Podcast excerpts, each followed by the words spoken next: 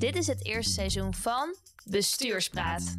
Wij zijn Marten en Meerte en nemen jullie mee in de wondere wereld van het openbaar bestuur. In onze podcast verdiepen we ons elke aflevering in een actueel thema en kijken net wat verder dan het nieuws. Schuif aan bij ons aan tafel en luister mee naar hoe het in de praktijk echt gaat. Hey Mart. Hey Meert. Dit is de laatste keer dat ik jou zie voordat je op vakantie gaat. Ja, dat klopt. Ik ga een weekje naar de Franse Alpen. En jij gaat volgende week Diederik Samson, Louis Meuleman en onze collega Frederik van Dalfsen het hen van het lijf Mhm. vragen over stelsels. Ja. In eerdere afleveringen hebben we het gehad over publieke waarden en over dat daarvoor heel veel publieke en private partijen samenwerken. En om dan echt iets te bereiken hebben ze een weerwaar aan afspraken, regels en procedures in het leven geroepen. En dit keer gaan we het over die weerwaar hebben, want wij noemen dat een stelsel. En als voorbeeld nemen we het klimaatstelsel. Nederland en Europa willen graag verduurzamen en ze hebben daarvoor allemaal doelen opgesteld. In Europa is er bijvoorbeeld afgesproken om in 2030 55% minder CO2 uit te stoten. En in deze aflevering gaan we ontrafelen hoe Europa als organisatie, maar ook Nederland als land, dat probeert te bereiken. Want hoe zorg je er dan voor dat de samenleving ook echt doet wat er nodig is om die doelen te bereiken? En hoe zorg je ervoor dat die weerwaar aan afspraken, dat stelsel, ook echt werkt? Nou, ik ben heel benieuwd hoe het gesprek volgende week gaat. En als ik terug ben, zal ik de eerste zijn die de opname mag horen. En we blikken dan ook samen nog even terug op het gesprek. Maar voor nu heel veel succes en over naar de studio. Welkom bij een nieuwe aflevering van Bestuurspraat. Het is een bijzondere aflevering, want Meert heeft de podcaststudio ingeruild voor een vakantiehuisje in de bergen. Ook zeker niet verkeerd, maar dat betekent wel dat ik deze keer het in mijn eentje moet doen en ik ga in gesprek over stelsels met niemand minder dan Diederik Samson, Louis Meuleman en Frederik van Dalfsen. Welkom allemaal. We hebben jullie Goedemorgen. ja, kijk, ik wacht al even op respons. Het is eh, half digitaal, half fysiek. Ehm, en we hebben jullie uitgenodigd omdat jullie alle drie actief zijn in het klimaatstelsel. Diederik Samson, wel bekend in Nederland vanwege zijn fractievoorzitterschap voor de PvdA. En nu werk je als kabinetchef van Frans Timmermans voor de Europese Commissie. En Frans Timmermans is de speel in het klimaatstelsel. Nou, u belt in, of je belt in vanuit Brussel. Ehm, waar voer jij dit gesprek? Zit je in het kantoor van de Europese Commissie? Nee, ik zit op dit moment thuis. eh, in quarantaine notabene. Niet omdat ik zelf positief getest ben, maar omdat ik een zogenaamd close contact ben geweest van Mm. iemand die dat wel was. Eh, zo hebben we de afgelopen anderhalf jaar doorgebracht met z'n allen. Ehm, het voelt een beetje als een ongeluk in de laatste bocht voor huis, want het lijkt erop alsof we het achter ons kunnen laten. Maar helaas, ik ben nog even aan huis gekluisterd. Morgen weer vrijgelaten. Morgen, ah, wat goed. En wel een eh, schermpje van de Europese Commissie op de achtergrond. Dus het lijkt net echt. We hebben geoefend een jaar lang met eh, deze manier van communiceren. Dus het wordt elke dag een beetje beter. Wat goed. Nou, hopelijk hoeft het snel niet meer, eh, zal het snel niet meer nodig zijn. En dan onze andere gast, Louis Meuleman, gast hoogleraar Public Governance en heeft veel verschillende functies bekleed in het Nederlands en Europees openbaar bestuur. Van het ministerie van Vrom en de Europese Commissie tot wetenschappelijk adviseur bij de Verenigde Naties. En niet te vergeten ook associé bij Berenschot. Eh Louis, jij bent ook in Brussel. Maar waar bevind jij je? Ik eh, zit in, eh, in onze bibliotheek in ons huis in Brussel. We hebben een kamer vol met boeken, van de vloer tot aan het plafond. En dat is ook een beetje mijn werkkamer. En dan voor mij een bekende, Frederik van Dalfsen, mijn collega en onze expert op het gebied van stelsels. En als adviseur helpt hij Nederlandse bestuurders bij het inrichten en het verbeteren van stelsels. De afgelopen maanden heeft hij zich samen met een collega van mij en met mijzelf verdiept in het stikstofstelsel. Eh, Frederik, jij zit naast mij in de studio. Hoe voelt dat? Goedemorgen. Ja, ehm, eh, goed. Dat voelt wel goed. Ja, in ons nieuwe kantoor in Utrecht. En eh, het is fijn om weer eens bij elkaar te kunnen zijn. Ja, zeker. En het wordt misschien ook wel de nieuwe vorm. Half fysiek, half digitaal. Ja, maar we moeten Diederik niet jaloers maken op het feit dat wij wel bij elkaar kunnen zijn. Waarvoor excuus. Nu we weten met wie ik aan tafel zit, is het tijd om het onderwerp te verdiepen. We gaan het dus hebben over stelsels. Het is een term die steeds meer voorkomt in de beleidswereld, maar ook in de adviezen van Berenschot die we geven. En het is nogal abstract. Wat moeten we ons er nou bij voorstellen? En het gaat eigenlijk over dat het een geheel is aan afspraken tussen partijen om maatschappelijke vraagstukken op te lossen. En daarbij probeer je in te spelen op het gedrag en de dynamiek tussen al die partijen die samenwerken om die maatschappelijke opgave ja, op te lossen.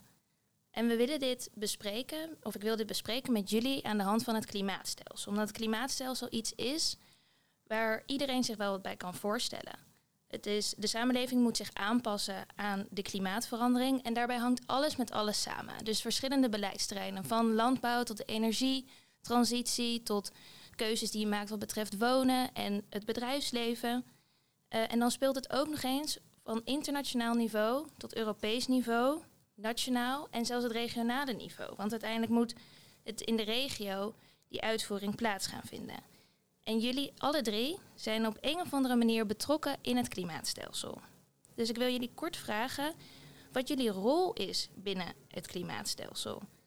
En Diederik, jij gaf net al aan, je bent kabinetchef van de Eurocommissaris Frans Timmermans. En hij is een heel belangrijk figuur binnen het Europees klimaatstelsel. Maar ik vroeg me af, welke plek neem jij nou in als kabinetchef? Wat doe je precies en hoe verhoudt zich dat? Ja, dat is een mooie vraag. Uh, elke um, eurocommissaris heeft een uh, groep mensen om zich heen van ongeveer 20, 25 man.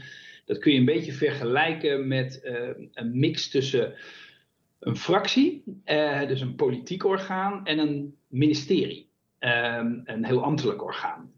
wij doen eigenlijk de politieke afronding van al het beleid wat de Europese Commissie maakt. En als zodanig ben ik verantwoordelijk voor het maken van de Green Deal. Want dat is de portefeuille van Frans, de Green Deal. En dus ben ik verantwoordelijk voor het maken van het nieuwe klimaatstelsel, zoals jullie dat noemen. Uh, wij noemen dat een pakket, maar goed, dat is ongeveer hetzelfde. Um, en we hebben dat genoemd het zogenaamde Fit for 55 package. Um, hè, dus het, dat is niet een, uh, een fitnessprogramma voor uh, middelbare mannen. Maar dat is het uh, stelsel van alle wetten en regels die we moeten maken of aanpassen om Europa op de doelstelling van 55% minder CO2-uitstoot in 2030 te krijgen. Op weg naar volledig klimaatneutraal in 2050. Dat is het grootste wetgevende pakket wat de commissie ooit heeft gemaakt. En dat gaan we op 14 juli uh, publiceren. En wat zijn, houdt jouw werk werkzaamheden dan precies in? Dus je bent verantwoordelijk voor het, ja, het maken van dat pakket, zoals jullie dat noemen. Maar wat doe jij dan? Nou, je kunt je voorstellen dat twaalf enorme wetsvoorstellen, die gaan over het emissiehandelssysteem of over uh, duurzame energie, hè, de Renewable Energy Directive, of over uh, de uitstoot van auto's, de CO2 Emission Standards for Cars, om dat allemaal in beleidstaal uit. Die worden op verschillende ministeries gemaakt. En net als in Den Haag is de coördinatie tussen ministeries, laten we zeggen, voor verbetering vatbaar. Um, en ik, ik, ik, ik, voel me soms een beetje de generaal. Ik heb ook letterlijk een, een bord op mijn kamer in het Bellemont gebouw met allemaal vlaggetjes en pijltjes. Um, waarmee ik zorg dat al die wetgeving met elkaar in samenhang uh, komt uh, te staan. En dat is nog een hele klus. Dus ik ben eigenlijk een beetje ja, de loodgieter die uh, uiteindelijk de losse onderdelen tegen elkaar aan schroeft. Moet... En er dan één pakket van maakt. Jij moet iedereen bij elkaar krijgen om dat pakket rond te krijgen. Ja, er zijn ongeveer 7000 ambtenaren met, met dit pakket bezig als je alles optelt. Uh, en ja, god, dat, dat vereist een beetje coördinatie en het vereist ook politieke afstemming. Want zoals je weet, de het commissievoorstel is maar het begin van een enorm traject met parlement, met de, de raad, de lidstaten, 27 in totaal. En ik ben ook verantwoordelijk voor uh, de landing van dit pakket. Dus ik ben een landingsbaan aan het bouwen uh, in het parlement en bij 27 lidstaten. Dus dat vergt nogal veel uh, afstemming en ook een beetje politiek handig opereren, omdat je weet dat sommige lidstaten heel gevoelig zijn voor ja. bepaalde onderdelen van het pakket. Hè, bossen en Finland, ik noem maar een combinatie. Mm -hmm. Of Slowakije en auto's. Slowakije is de autofabriek van Europa. Daar staan de fabrieken echt. Um, of kolen, uh, een van de vieste brandstoffen die we hebben, en Polen. Nou, die combinaties, dat vereist natuurlijk wel dat je op de juiste manier die, uh, die landen benadert. Uh, de regeringen, maar ook hun vertegenwoordigers in Brussel, de permanent representatives, zoals dat dan heet. Dus het is een, soort spin in het web-achtige functie. Als we dit gaan verdiepen, ben ik nog wel benieuwd hoe jij dit allemaal aanpakt met al die verschillen tussen alle landen. Um, en Louis Meudeman, jij bent als wetenschappelijk adviseur duurzaamheid werkzaam bij het Europees Milieuagentschap en adviseur Sustainable, Development Goals um, bij de Verenigde Naties. En wat is nou precies dat Europees Milieuagentschap? Hoe past dat binnen het klimaatstelsel? Het is ooit opgericht voor de hele Europese, alle Europese instellingen. En die adviseren en die doen onderzoek naar de stand van het milieu, zeg maar. De toestand van het milieu, inclusief uh, klimaat. Klimaat is daar een heel belangrijk onderdeel in. Maar in, in mijn werk, ik heb tien jaar, de laatste tien jaar bij de Europese Commissie bij de DG Milieu gewerkt. Mm -hmm. uh, daar, en nu werk ik in allerlei projecten uh, voor de OESO, e voor de VN, voor de Europese Commissie. Ik adviseer ook de Verenigde Naties in een clubje van, van experts op het gebied van public governance en, en public administration over hoe je nou instituties, overheden uh, rijp moet maken om die, al die 17 duurzaamheidsdoelen, waarvan klimaat nummer 13 is, geen ongeluksgetal in dit geval, om die goed uitgevoerd te krijgen voor 2030. Dat zijn nou eenmaal die doelen. En Frederik, van Delft. Jij bent als adviseur nauw betrokken bij het ontwerpen van de Nederlandse stelsels. En welke rol zie jij nou weggelegd voor de Nederlandse bestuurders? En hoe passen wij als adviseurs nou binnen het klimaatstelsel? Ja, dus uh, heel anders dan uh, de, de, beide heren in Brussel zitten we, ja, zit, zit ik en zitten wij natuurlijk veelal aan de receiving end eigenlijk van die regelgeving en die, en die, um, die wetgeving die in Brussel ontworpen wordt. Um, in regio's met provincies uh, te werken aan hoe je dat dan vertaalt naar de praktische deals. En zeker in Nederland kiezen we daar natuurlijk veel voor om de, de uitwerking van die Europese klimaatafspraken uiteindelijk over te laten aan regio's, regionale energiestrategieën als het gaat om warmte en elektriciteit, uh, klimaatadaptatieregio's, waarin gemeenten en waterschappen samenwerken aan het voorbereiden op klimaatadaptatie. En aanpalend daaraan natuurlijk het, uh, het, het, stikstofavontuur wat we samen gehad hebben uh, de afgelopen maanden. En, en, eigenlijk een ruim een jaar voor twaalf provincies nadenken over hoe je in dat stikstofvraagstuk, waar ook Europese regel en wetgeving op het gebied van milieu beperkend is aan de ontwikkeling die we in Nederland willen hebben, hoe je daar dan toch op de een of andere manier met elkaar vorm aan geeft. En ja, het leuke van adviseur daarin zijn, het frustrerende van adviseur daarin zijn, is dat je er nooit over gaat. En het leuke van adviseur zijn, is dat je ook kunt reflecteren, juist van die zijkant, en een spiegel kunt voorhouden aan, in, bijvoorbeeld bij stikstof 12 ja. provinciebestuurders, die, die er toch samen uit moeten zien te komen. Maar die, en ik ben heel benieuwd, Diederik, hoe, hoe dat in jouw praktijk ook gaat, maar die in ieder geval in dat stikstofprobleem ook heel erg met, met elkaar de kalkoen zijn die het kerstdiner opdient. Hè? Dus je, ja, het, iedereen moet ergens nadeel en voordeel hebben in zo'n deal. En ja, hoe je dat voor elkaar krijgt en de reflectie daarop, dat is bij uitstek denk ik waar adviseurs een verschil kunnen, kunnen maken. Ja, dus wij zitten, Frederik en ik zitten in de Nederlandse, het Nederlandse perspectief. En als adviseur kijk je van de zijkant. En dan hebben we Louis en Diederik zitten ja, midden in dat Europese uh, stelsel. Um, ik zie Louis een beetje schudden via Teams. Nou ja, het is nou makkelijk, want Diederik en ik, oftewel Brussel, krijgt altijd de schuld als dingen niet goed gaan. Ah. Maar ik denk dat ook Diederik en ik heb ook best wel een paar suggesties voor Nederland.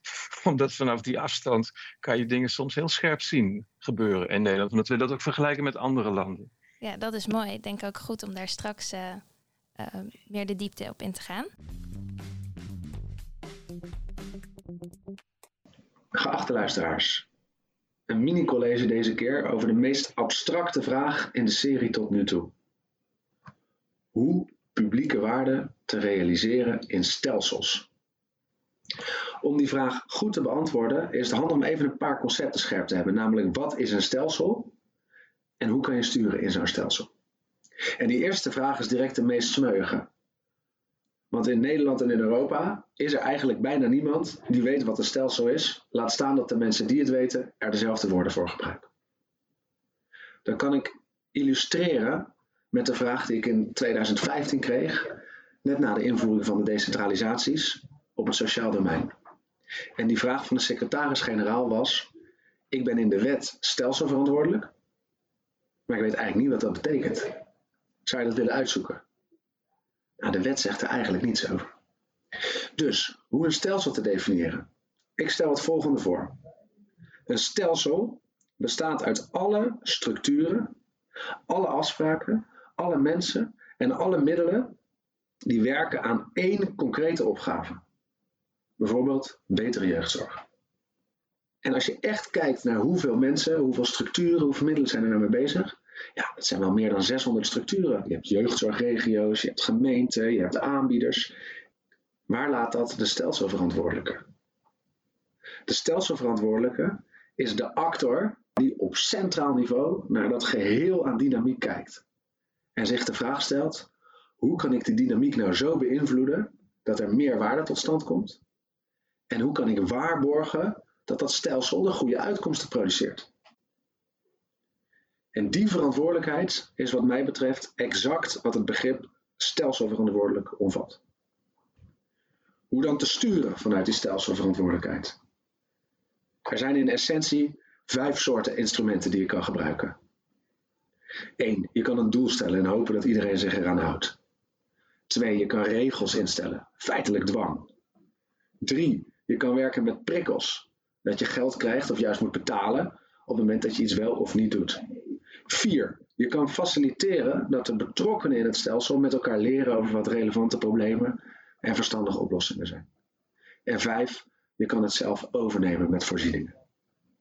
En de grote vraag is altijd voor een stelselverantwoordelijke: welke mix aan instrumenten zet ik nou in, zodanig dat de juiste dynamiek ontstaat op decentraal niveau? En de hele harde realiteit voor iedere stelselverantwoordelijke is dat je dat meestal niet weet, omdat dynamiek van tevoren niet te voorspellen is als je die instrumenten inzet. Want mensen reageren daarop op manieren die je niet verwacht. Dus de echte vraag voor stelselverantwoordelijke is: heb je zicht in welke mate de verwachte effecten gerealiseerd zijn? En heb je zicht op welke onverwachte effecten, soms gunstig, soms ongunstig, ontstaan? En de realiteit van de meeste stelsels is dat het antwoord daarop is: meestal hebben ze dat niet zo goed in zicht. Dus wie stelsels wil verbeteren en wie daadwerkelijk wil sturen op publieke waarden, die stelt zich de vraag welke mix aan instrumenten past, maar die stelt zich vooral de vraag hoe weet ik wat de effecten ervan zijn. Terug naar Mert en Marten.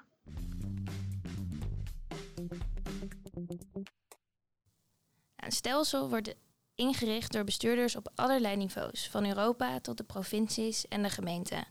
Maar uiteindelijk moeten de afspraken ook worden uitgevoerd. Alleen dan vindt er een daadwerkelijke verandering plaats. Dus voor het klimaatstelsel vertelden jullie net al van, nou ja, uiteindelijk moeten we die doelstelling van die reductie halen. Um, en ik vroeg me af, hoe doe je dat nou als je gaat besturen in zo'n complexe context? Want het gaat vaak over technische en zeker met het klimaat inhoudelijk uh, ingewikkelde doelen die behaald moeten worden, waarbij al die verschillende beleidsterreinen samenhangen. Tegelijkertijd ben je als bestuurder ben je geen milieukundige, dus je bent niet materiedeskundig. En toch moeten we ervoor zorgen dat er een verandering plaatsvindt in onze samenleving. En die technische doelstellingen moeten worden behaald. En dan heb je ook nog eens te maken met die verschillende lagen. En mijn eerste vraag is aan uh, Diederik, aan jou. Herken je deze complexiteit? En ook vooral, probeer je daarop in te spelen in je werk? Ja, nou allereerst, eh, uiteraard herken ik de complexiteit. Um, vind het als beleidsmakers ook wel erg leuk om beleid heel complex voor te stellen. Hè? Daar wordt je werk namelijk belangrijker van. Eh, en het is, het is een, dat is een reflex die je eigenlijk als eerste moet proberen te onderdrukken. Zo ingewikkeld is het allemaal niet, zeg ik heel vaak hier intern. Als iedereen weer begint te puffen en te steunen. Um, het tweede uh, wat ik wilde opmerken is, je zegt als bestuurder ben je vaak niet uh, ter zake kundig. Dat is jammer genoeg inderdaad een ware bewering, um, maar dat is wel erg jammer. Ik ben nog van de school, of misschien wel van een nieuwe school, die vindt dat bestuurders niet eh, vooral heel goed moeten zijn in besturen, maar ook gewoon moeten weten waar ze het over hebben. Ja. Um, ik vind nog altijd Marcel Levy als, als mooi voorbeeld, hè, de, de arts die het AMC kan besturen. Die combinatie is zeldzaam, dus het is ook makkelijker gezegd dan gedaan. Maar um, het is echt de optimale uh, combinatie. Je moet ook gewoon weten waar het over gaat. Als je geen kilowatt van een kilowattuur kunt onderscheiden, dan heb je op dit beleidsterrein echt niks te zoeken. Uh, en, en dat is te vaak, denk de, de beleidswereld van, nou nee, hè, maken van beleid, dat gaat over mensen bij elkaar brengen en belangen verenigen en dat soort dingen. Maar het gaat ook gewoon over dingen, over concrete zaken. Het, het mm. reduceren van CO2-uitstoot, daarvoor heb je andere auto's nodig. Het is handig als je weet hoe zo'n auto in elkaar zit en hoe ingewikkeld het is om hem te maken, of juist niet. Um, afijn, die twee eh, kanttekeningen daarbij makend. Um, kijk, hoe wij het in Europa eh, proberen te doen, en, en dat is volgens mij wel een recept wat breder toepasbaar is, als je zo'n complex stelsel van, van uh, verschillende wetten, waarbij inderdaad verschillende spelers soms voordeel en soms nadeel ondervinden, moet je beginnen met iedereen vast te binden op één gezamenlijk objectief. In dit geval één gezamenlijke doelstelling. Zo zijn wij dus ook begonnen, anderhalf jaar geleden, Green Deal opgeschreven. En die ging over meer dan alleen klimaat. Dat was eigenlijk de doelstelling om een duurzame toekomst te, eh, te bouwen voor onze kinderen. Nou, ik geloof dat iedereen daar wel mee akkoord was. Die is dan nog vrij groot en ongevaarlijk, want ver weg.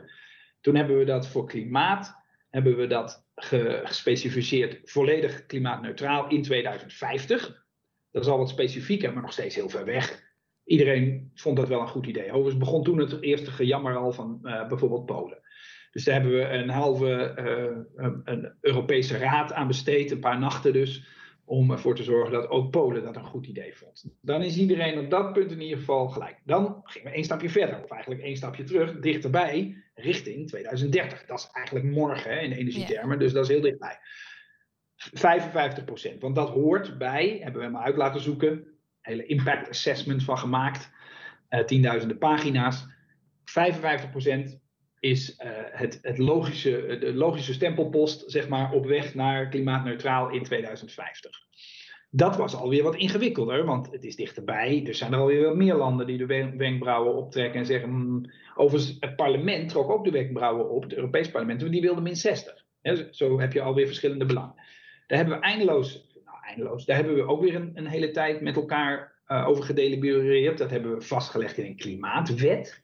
En zo trek je langzaam maar zeker, trek je, ja, het, klinkt een beetje fout, want het lijkt erop alsof je mensen erin luistert, maar dat is niet het geval. Je bindt mensen langzaam maar zeker steeds strakker uh, bij elkaar, zodat ze, als ze het oneens worden, ze erachter komen dat ze wel bij elkaar zijn gebonden. Dus ja, dan moet je het uiteindelijk toch rooien. En dit is, als ik even terugwacht naar Nederland, dit is precies wat er niet is gebeurd bij de stikstofproblematiek. dus er is niet maar dat is ook logisch. Hè? Op een gegeven moment overviel het ons, of, of jullie, maar ons uh, allemaal. En ja, dan, dan zit iedereen dus met verschillende einddoelen in het gedachte, met verschillende belangen. Dat bind je eigenlijk nooit meer aan elkaar. Althans, dus dan moet je echt opnieuw beginnen. Dat zou ook heel verstandig zijn overigens om dat te doen, maar dat is terzijde. Ja, dus je zegt, eerst moeten bestuurders eigenlijk gewoon wel weten waar ze het over hebben. Dat is het ideale scenario. En vervolgens zeg je, moet je stap voor stap op basis van gezamenlijke ideeën steeds concreter um, ja, uitstippelen welke kant je opgaat. En je zegt, nou ja, dat zijn we nu aan het doen uh, met de uh, Europese doelstellingen. En dat hebben we eigenlijk in het stikstofbeleid in Nederland is dat niet goed gebeurd. Uh, Frederik, herken jij dit? En hoe zie jij hoe, dat, hoe daarmee om is gegaan in Nederland? Ja, heel herkenbaar. En, en ik denk uh, dat, dat je zelf ook al terecht, Diederik, aangeeft, dat, dat overviel ons natuurlijk in hoge mate. Dus uh, ineens werd daar eigenlijk een stelsel onderuit geveegd hè, door een juridische uitspraak. Terwijl, ja, als je dat vergelijkt met, de, met het klimaatstelsel in Europa, is dat toch vooral een opbouwstelsel. Hè? Dus je, je bent samen iets aan het maken wat er nog niet was. En hier ging iets onderuit wat er al wel was, um, maar wat er juridisch gezien niet had kunnen zijn. Um, en Zeker. Dus het was, het was echt iedereen was, uh, ja, was, was in paniek aan het zoeken naar hoe, hoe red ik hier in het vege lijf. Departementen onderling, provincies onderling. en wat je daar heel erg zag, wat jij net ook vertelde over klimaat in Europa. Hè, dus wat goed is voor Polen, is niet automatisch goed voor Finland. En zo is het met stikstof precies hetzelfde. Um, alleen daar was de urgentie er gewoon in één dag voor 100 procent. Overigens is het grappige dat wij natuurlijk op een deelonderwerp um, van die stikstofcrisis met die twaalf provincies wel precies zijn gaan doen wat jij ook beschrijft. Hè? Dus we zijn bestuurders met elkaar in een hok gaan zetten. Um, en wat ik zelf een hele grappige reflex vind in dit soort situaties, ik weet niet of dat in Europa hetzelfde is, maar dat is dat de ambtelijke reflex is om heel veel voorwerk te gaan doen en heel veel weg te houden bij de bestuurder. En de bestuurder pas op het allerlaatste moment eigenlijk in beeld te brengen. Terwijl mijn ervaring is dat je precies het omgekeerde moet doen. Die bestuurders moeten aan de voorkant bij elkaar. En dat kost veel tijd. En, en je moet intensief met elkaar overleggen. De, parallel naar die Europese Raad is volgens mij snel gemaakt. Um, en pas op het moment dat je daar bestuurlijk een, inderdaad echt een commitment hebt, oké, wij willen over een paar maanden of over een paar jaar daar staan, dan kun je ambtelijk allerlei dingen gaan uitwerken. Maar het moet niet andersom zijn, wat wel vaak de reflex is. Ja, dus dat zagen we inderdaad heel erg. Dus die technische, dat technische voorwerk, wat door de ambtenaren normaal gesproken wordt gedaan, wellicht omdat de bestuurders niet materiedeskundig zijn, um, werd veel weggehouden. En jij zegt dus eigenlijk wat, uh, wat goed zou zijn, als ik in lijn met wat uh, Diederik vertelt, om juist vanaf het begin af aan in gesprek met elkaar daarover te gaan. Um, en nu hadden wij het geluk met stikstof dat er echt urgentie werd gevoeld. Dus er was opeens een uitspraak van de rechter waardoor alles anders moest. Um, dat kan me voorstellen dat dat niet op alle gebieden zo is, op elk uh, beleidsterrein. Um, is die urgentie ja, noodzakelijk om de, de belangen bij elkaar te krijgen? En als jullie denken dat dat wel zo is, hoe organiseer je dat dan? Nou ja, er zijn. Kijk, urgentie creëren is, uh, is heel belangrijk. Maar eigenlijk is het raar dat het een, een, een um, in, in dit geval een, uh, een urgentie werd door een uh, juridische uitspraak, omdat het natuurlijk al lang bekend was dat Nederland achterliep en de ogen dicht hield voor wat er was afgesproken en zich daar gewoon niet aan hield. Maar urgentie kun je denk ik ook creëren door um, ja, door in je governance aanpak uh, een, een betere evenwicht te hebben. Als ik één kritiek heb op Nederland in zijn algemeenheid, is dat Nederland is heel sterk in de informele benadering, de netwerkbenaderingen, de polderenbenadering van welk groot en klein probleem dan ook. Um, in Duitsland doen ze dat anders. Uh, als er een probleem is, dan komt er een wet. En daarna zien ze of er nog meer moet komen. in Engeland, als er een probleem is, dan komt er een financiële prikkel. En dan kijken ze of er nog meer nodig is. In Nederland haten ze het om uh, met een wet uh, duidelijke structuren aan te geven en verplichtingen aan te geven. En wat je dan vaak ziet is dat er ook in grote stelsels het heel onduidelijk is wie er nu eigenlijk verantwoordelijk is, wie er afgerekend kan worden. Of dat er een collectieve verantwoordelijkheid geregeld is en niet individuele verantwoordelijkheid.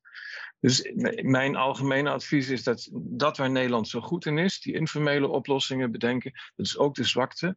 Nederland zou toch meer de moed moeten hebben, of bestuurders zouden de moed moeten hebben om, um, om inderdaad in, goed, eerst in overleg, prima, die, die stappen volgen, die vind ik ook uitstekend.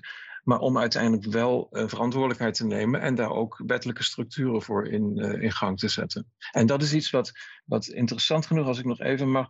Mm, vijf, zes jaar geleden, Frans Timmermans, bij een discussie binnen de Europese Commissie, waarvoor ik hem had uitgenodigd, uh, zei daar iets wat in, in Brussel revolutionair was. Hij zei namelijk: we moeten niet uh, steeds in Brussel uh, voor Europese oplossingen beginnen met een wettelijke oplossing en dan kijken of er nog wat anders kan. We moeten het omdraaien. We moeten eerst kijken wat er kan.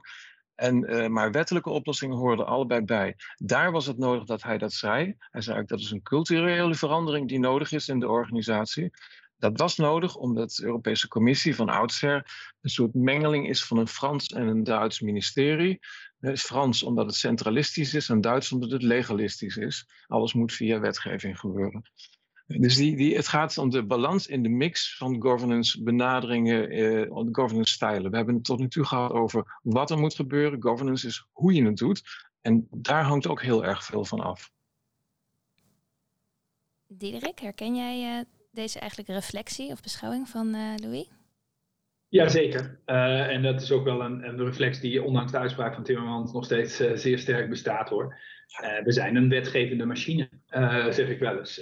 en daar is op zich niet zoveel mis mee totdat hij doldraait. Um, en dat is in het verleden en eigenlijk ook op sommige punten nog steeds wel het geval. Dat is natuurlijk altijd de, de valkuil van wetgevende apparaten. Zeker als ze heel efficiënt zijn. En gek genoeg uh, tegen de intuïtie in, Brussel is een van de meest efficiënte wetgevende machines die wij kennen.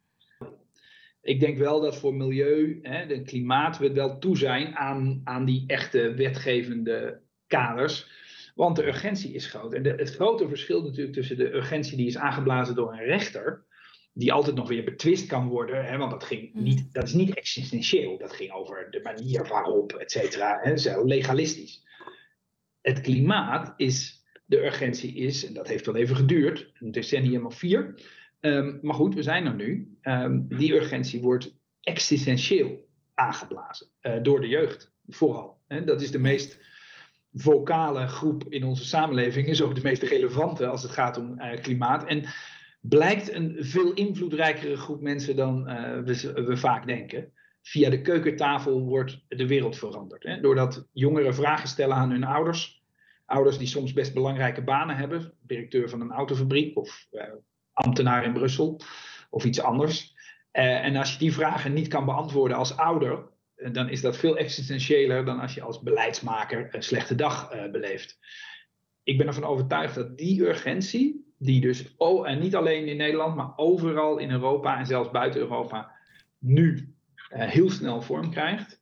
Dat is de reden dat wij hier zo uh, hard aan de slag kunnen zijn. Dat is geen, we zijn niet intrinsiek uh, bezig met iets omdat we nou daar zin in hebben of hele goede ambtenaren zijn of op een andere manier. nee, er is een externe drive en dat is die urgentie die gevoeld wordt, die dus ook helpt om zelfs Polen te overtuigen dat dit echt moet. Ja.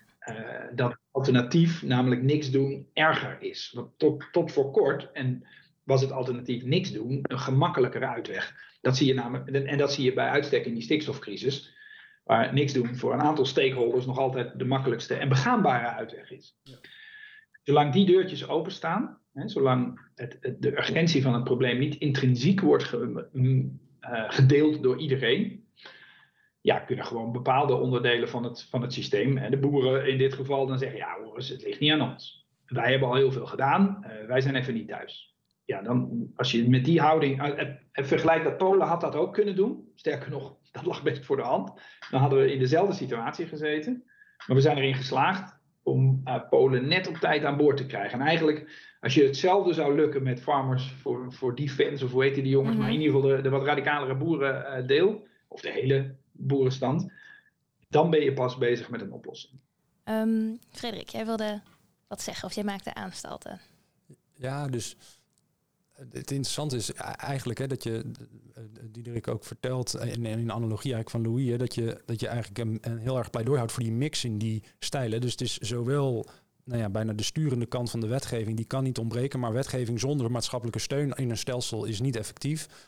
Alleen maar maatschappelijke beweging zonder wetgeving is, is ook uiteindelijk niet effectief. Dus het gaat heel erg over dat balanceren tussen zowel nou ja, de, de, formeel legalistische kant en de maatschappelijke de, draagvlakkant.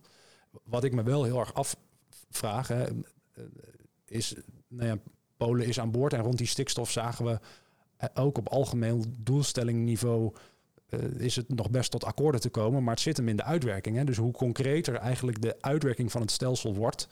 Um, iedereen was het erover eens dat we ons met elkaar in moeten spannen om stikstof terug te brengen en tegelijkertijd iets van ontwikkelruimte moesten maken. Maar op het moment dat je dan gaat praten over hoe verrekenen we dat dan met elkaar en wie betaalt dan het maken van die ruimte, eh, dan wordt het ingewikkeld. Uh, en, en kom je er soms achter dat je een soort eufemistisch akkoord op hoofdlijnen hebt gesloten, maar dat je er in de details natuurlijk weer helemaal vastloopt in precies dezelfde padstelling. En, en nou de vraag is, uh, rondom Polen bijvoorbeeld, is dat nou wezenlijk veranderd? En wat, wat maakt dan dat dat anders is? Is dat nog iets anders dan die druk die je aanhaalde uit de samenleving? Ja, dit, is, dit, um, de, de lakmoesproef daarvoor moet nog uh, plaatsvinden. Ja. Uh, want je hebt helemaal gelijk. Uh, het, dit dit wordt allemaal. Hè, dus dat mensen samenbinden op die doelstelling, dat gaat nog wel zolang de doelstelling ergens daar ver weg zweeft. Maar als die echt gaat raken, dan wordt het natuurlijk. Dan wordt het pas pijnlijk. En dan kijk je. Dan kun je pas testen of die urgentie ook zo groot gevoeld wordt dat ze zelfs in die omstandigheden gezamenlijk willen optrekken. En dan bedoel ik ze of we in dit geval als Europa. Dat draait uiteindelijk toch allemaal gewoon om herverdeling. Het draait uiteindelijk, en dat zeg ik niet als sociaaldemocraat, maar gewoon, het draait om solidariteit kunnen we die met elkaar opbrengen uh, op dit vraagstuk? En het is dus, uh, daar zit natuurlijk wel gewoon een, een, rechtstreekse evenredigheid. Hoe groter de urgentie, hoe groter het gevoel van solidariteit wat mensen kunnen opbrengen met elkaar. Um, en dat, de, de, de, op een heel ander beleidsterrein zie je dat um, zeer uh, pijnlijk. migratie. En de, de, het Europese migratievraagstuk valt of staat bij solidariteit. In dit geval niet over geld, maar over mensen. Dat is nog veel ingewikkelder. Die moet je dan gesolidair onder, onder elkaar verdelen. Het klinkt een beetje raar, maar dat doen we met vluchtelingen. Dat doen we in Nederland overigens ook. Als een vluchteling zich meldt in Nederland, dan mag je niet kiezen waar die gaat wonen. Dan, dan hè, hebben we daar gewoon een heel stelsel voor bedacht. Onderlinge solidariteit, ook wel eens met pijnlijke gevolgen, met alle asielzoekerscentra, maar toch, dat werkt. Op Europees niveau werkt dat niet. Want Hongarije voelt zich niet solidair met Italië, hè, daar waar ze allemaal aankomen op dit moment. En denk, ja, lekker, uh, jij, jij zit daar. Mark Rutte zei het ooit nog eens nog veel pijnlijker. Want toen zei iemand, ja, de Italianen die, die zitten aan de zuidkant van Europa uh, en krijgen dus al die vluchtelingen. Maar moeten we die niet in Europa onderling verdelen? Zei hij, nou ja, elk land heeft zo zijn nadelen. Hè? In Italië is het altijd mooi weer en bij ons regent het. Dat was de meest banale manier om, om solidariteit af te wijzen die ik, uh, die ik ooit hoorde. Um, en die hield geen stand toen de urgentie heel groot werd. Toen er een miljoen tegelijkertijd Europa binnenliepen, dat was in 2015, toen zag je dus dat de urgentie zo groot werd dat er wel onbeholpen, maar toch solidariteit kwam. Nou, nu is dat weer weg. Hè? Nu zijn er weer niet een miljoen mensen die aan de poort kloppen, dus is de solidariteit ook weer weg. Uh, dat is uh, treurig, uh, maar een fact of life. Bij klimaat zien we gelukkig, en ik hoop dat dat voldoende is, maar de test nogmaals gaat nu plaatsvinden. bij het klimaat denk ik dat, de dat het gevoel van urgentie zo groot is, dat die solidariteit dus ook op te brengen valt. En dan gaan we dus met z'n allen Polen helpen om ook die omslag te maken naar een duurzame economie, wat voor Polen wel een grotere stap is dan bijvoorbeeld voor Luxemburg. Ook nog eens met een inkomen per hoofd van de bevolking wat veel lager ligt dan dat van Luxemburg. Dus dat zijn twee redenen om extra solidariteit met elkaar te betrachten. Nou, we hebben misschien wel de plaatjes in gedachten in van vorige zomer toen het grote hulppakket, ook een vorm van solidariteit na COVID. Ook een grote urgentie overigens. Toen dat uitonderhandeld moest worden, toen waren er vijf nachten voor nodig om de, hè, de frugals, de, de vrekken, waaronder Nederland, maar ook Zweden, Finland, uh, Denemarken, Oostenrijk, uh, om die te overtuigen dat de urgentie zo groot was van dit vraagstuk, dat die solidariteit inderdaad opgebracht moest worden. En eerlijk is eerlijk, als je er op die manier naar kijkt, dan is dat stikstofprobleem in Nederland natuurlijk appeltje eitje. Want binnen dat rijkste werelddeel is Nederland dan ook nog eens het rijkste land. En dan moet het toch lukken om met elkaar die solidariteit op te brengen, om het stikstofvraagstuk op te lossen op een manier waarbij iedereen zijn eerlijke deel bijdraagt.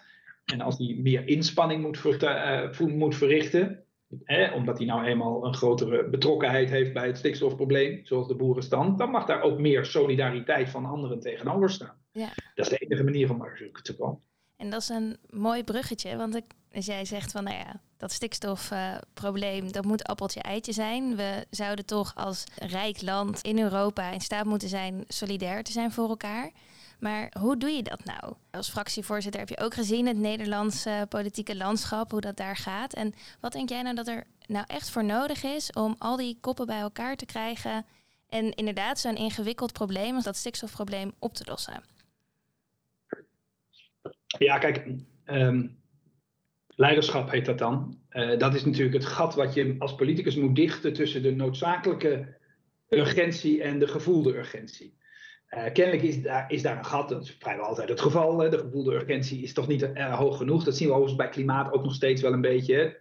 Veel mensen denken, nou, het zal mijn tijd wel duren en het gebeurt elders op aarde. Dus swap. Um, dat gat moet je dichten met, en dat, dat, daar zijn politici voor, met leiderschap die moeten, dat, dat, en dat gat kun je maar, maar de, de, er zijn maar zo, laat ik zo zeggen, het elastiek is maar zo lang. Je kunt niet eindeloos, je kunt niet een hele bevolking op sleeptouw nemen naar een mooi doel als, als het totaal niet zo wordt gevoeld. Maar als er een beginnend gevoel is van shit, dit is wel iets waar we aan, wat aan moeten doen. Ja, we, moet, we moeten er toch eens wat vaker over hebben. Dat is meestal dan de huiselijke term van een beginnend gevoel van urgentie dan zijn politici uh, aangesteld om dat gat naar, en we gaan het doen ook, te overbruggen.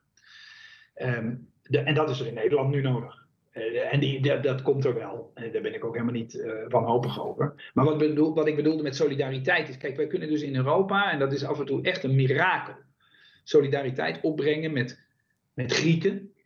Terwijl we daar toch vrij weinig mee hebben, afgezien van dat we er graag op vakantie gaan. Ja dan moet het voor Nederlanders toch mogelijk zijn om solidariteit op te brengen met mede-Nederlanders. Met, met Groningers, hè, tussen Groningers en Gelderlanders. Dat lukt echt wel. Uh, dus in dat opzicht, zo, zo bedoelde ik het, is het oplossen van het stikstofprobleem eigenlijk niet zo ingewikkeld.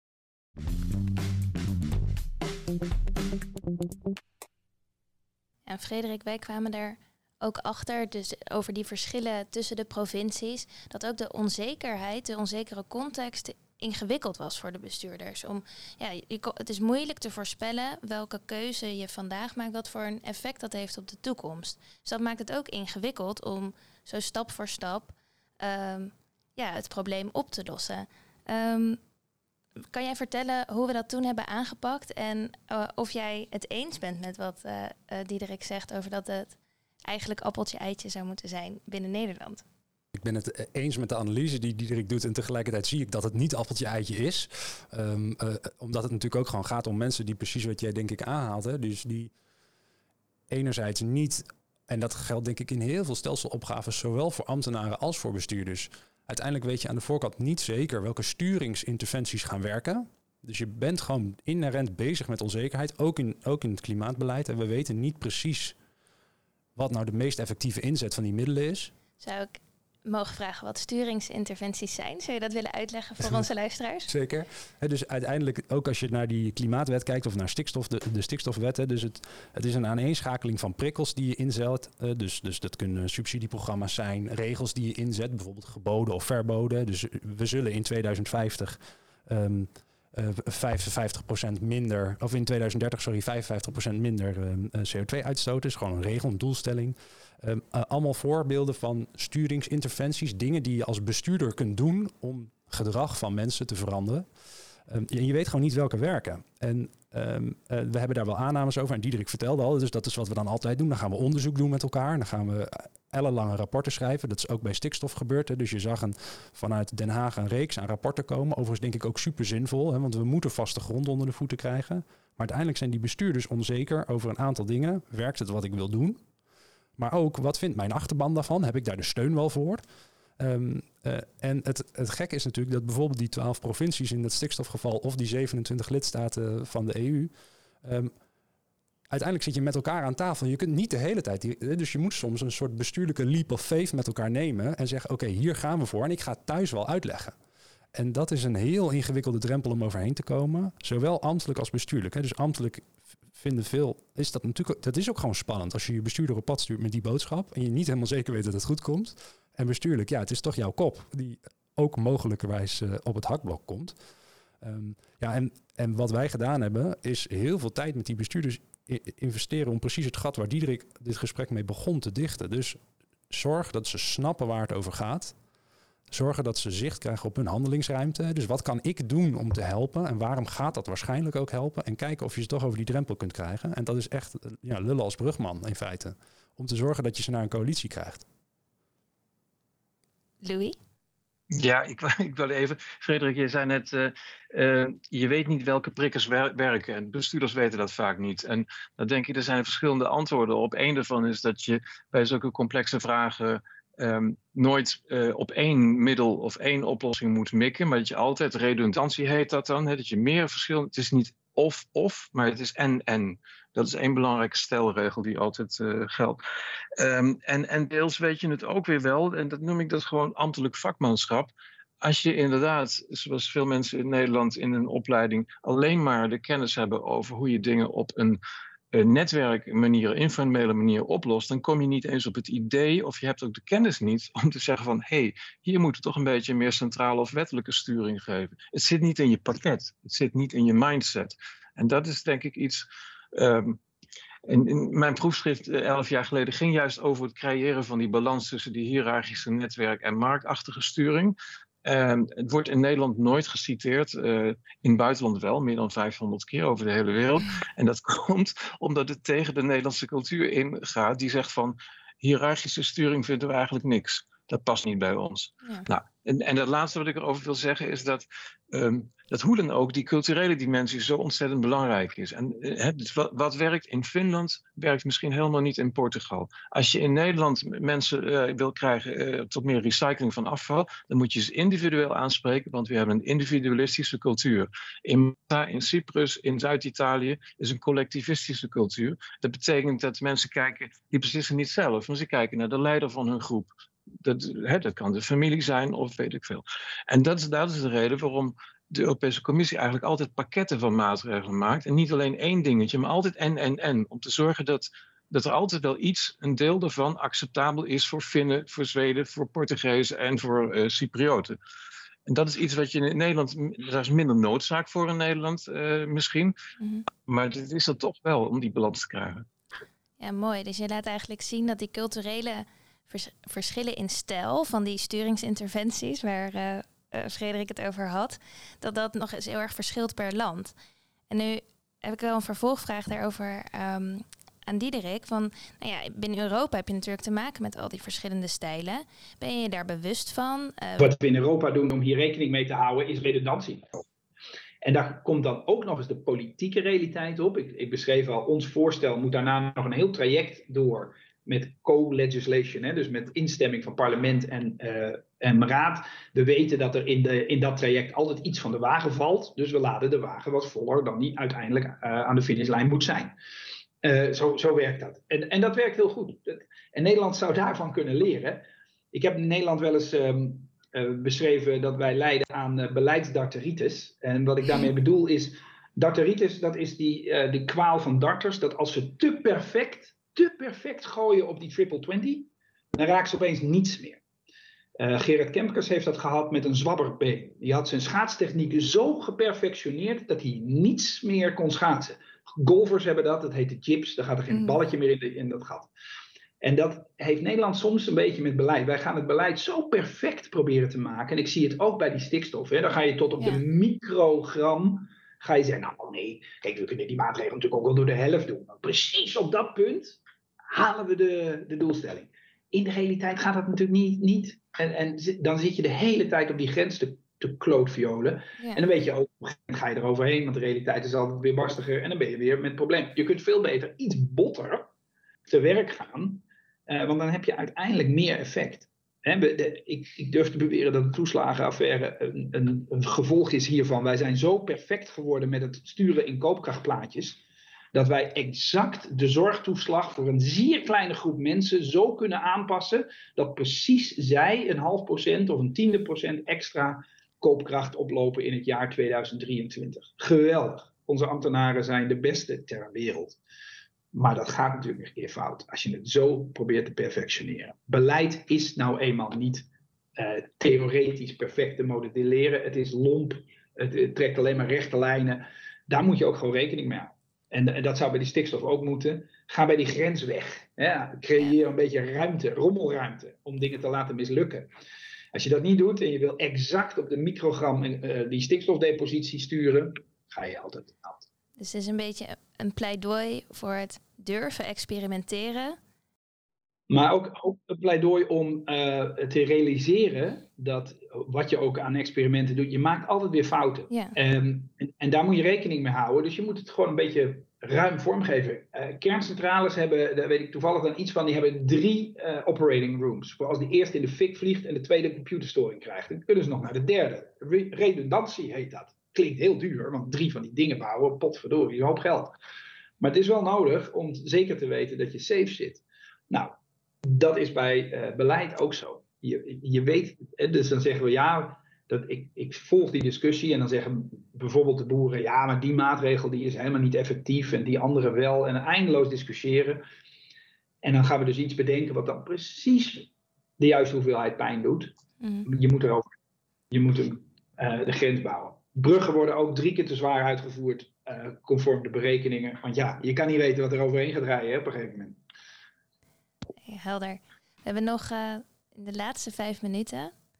Zou ik graag nog één vraag ook willen stellen aan eh Diederik, Louis en Frederik, aan jullie alle drie. Van wat is nou, dus we hebben het veel gehad over hoe je eh, als bestuurder in zo'n stelsel ja, werkt en waar je allemaal rekening mee kan houden in die complexe en onzekere context. Ehm, maar uiteindelijk zijn er veel in de organisatie, dus de ambtenaren, die bereiden ook veel voor. En die moeten er ook voor zorgen dat die uitvoering plaatsvindt. Uh, en wat zou, wat jullie betreft, nou een tip zijn voor een beginnende ambtenaar? Ik had tips bedacht voor bestuurders, maar voor beginnende ambtenaren is eigenlijk minstens zo leuk. Uh, en ik hoop dat ze daar trainingen in krijgen. In Nederland worden ambtenaren, die krijgen geen speciale opleiding daarvoor. Maar die, en die, daar hoort bij doorvragen. Vraag naar het waarom omdat ik denk dat ook bestuurders zich niet, vaak niet eens bewust zijn van de drijfveren achter stelselveranderingen. In Nederland zijn veel stelselveranderingen doorgevoerd vanwege efficiency-operaties, om geld te besparen, niet om ze beter te maken.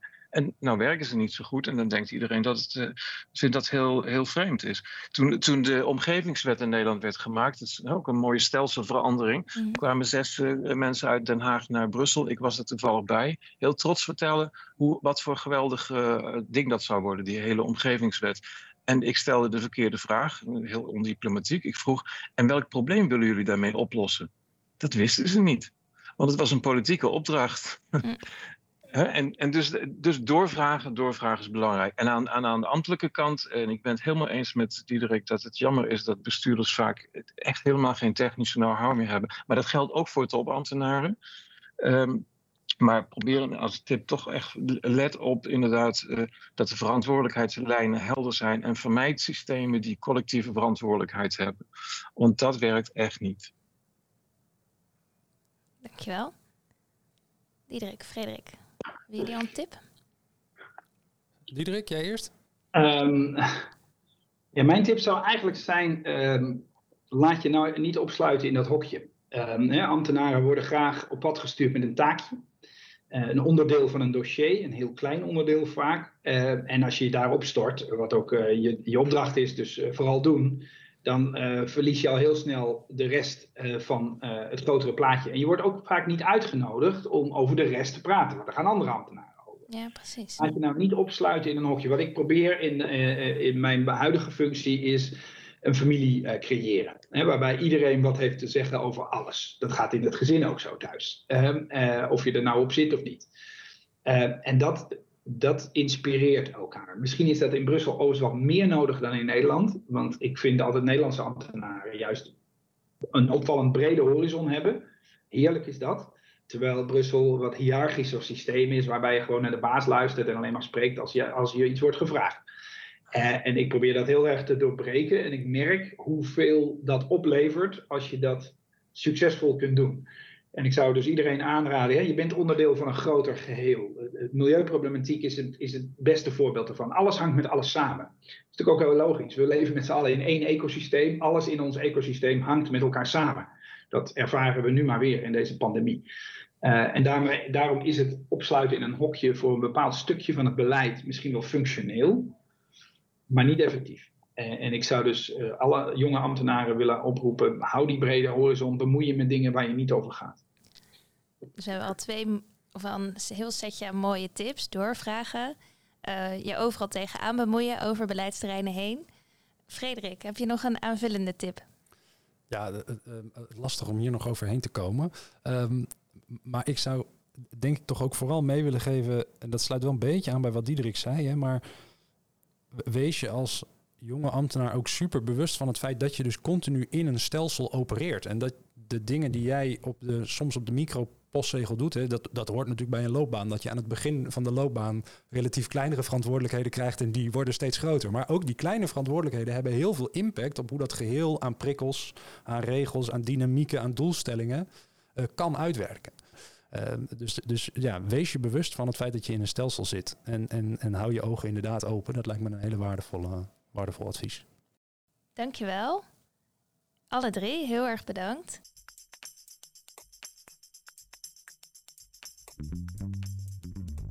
Hey Mart. Hey Meert. En? Wat vond je ervan? Ja, ik heb hem teruggeluisterd in de auto, terug uit Frankrijk. En ik vond het een heel leuk gesprek. Hoe vond je het zelf gaan zonder mij? En uh, het was half digitaal, half fysiek. Ja, tuurlijk heb ik je heel erg gemist. En het was ook wel echt heel erg anders dan als je met z'n allen om de tafel zit. Dus je merkt wel echt dat dat gesprek dan anders loopt. Maar volgens mij hebben we het over heel veel onderwerpen gehad en ook onze vraag beantwoord. Ja, ik hoorde langskomen de eigen posities van jullie in het klimaatstelsel. Maar ook hoe je ervoor zorgt dat alle Europese lidstaten, die toch ook zoveel verschillen, samen aan één doel werken. En ook dat er verschillende manieren van sturen zijn in een stelsel. Dat je dat heel formeel kan doen met regels, maar ook heel informeel, meer met netwerken. En wat me denk ik het meest is bijgebleven, is dat je er toch echt samen uit moet komen in zo'n stelsel, ook in het klimaatstelsel. En dat dat op Europees, nationaal en op regionaal niveau moet. Ja, daar ben ik helemaal met je eens. En dat die partijen op al die verschillende niveaus daarvoor solidair moeten zijn. Ja. Dus iedereen moet een beetje voordeel en een beetje nadeel hebben. En dat die solidariteit heel erg te maken heeft met urgentie. Dus als de urgentie er echt is of wordt gevoeld, dat mensen eerder geneigd zijn ook solidair naar de ander te zijn. Dus dat is wel echt een belangrijke les van deze aflevering, denk ik. Dat denk ik ook. Hebben we dan zo de weerwar van het klimaatstelsel een beetje ontrafeld? Ben je benieuwd naar nieuwe afleveringen? Abonneer of volg ons kanaal om ze niet te missen.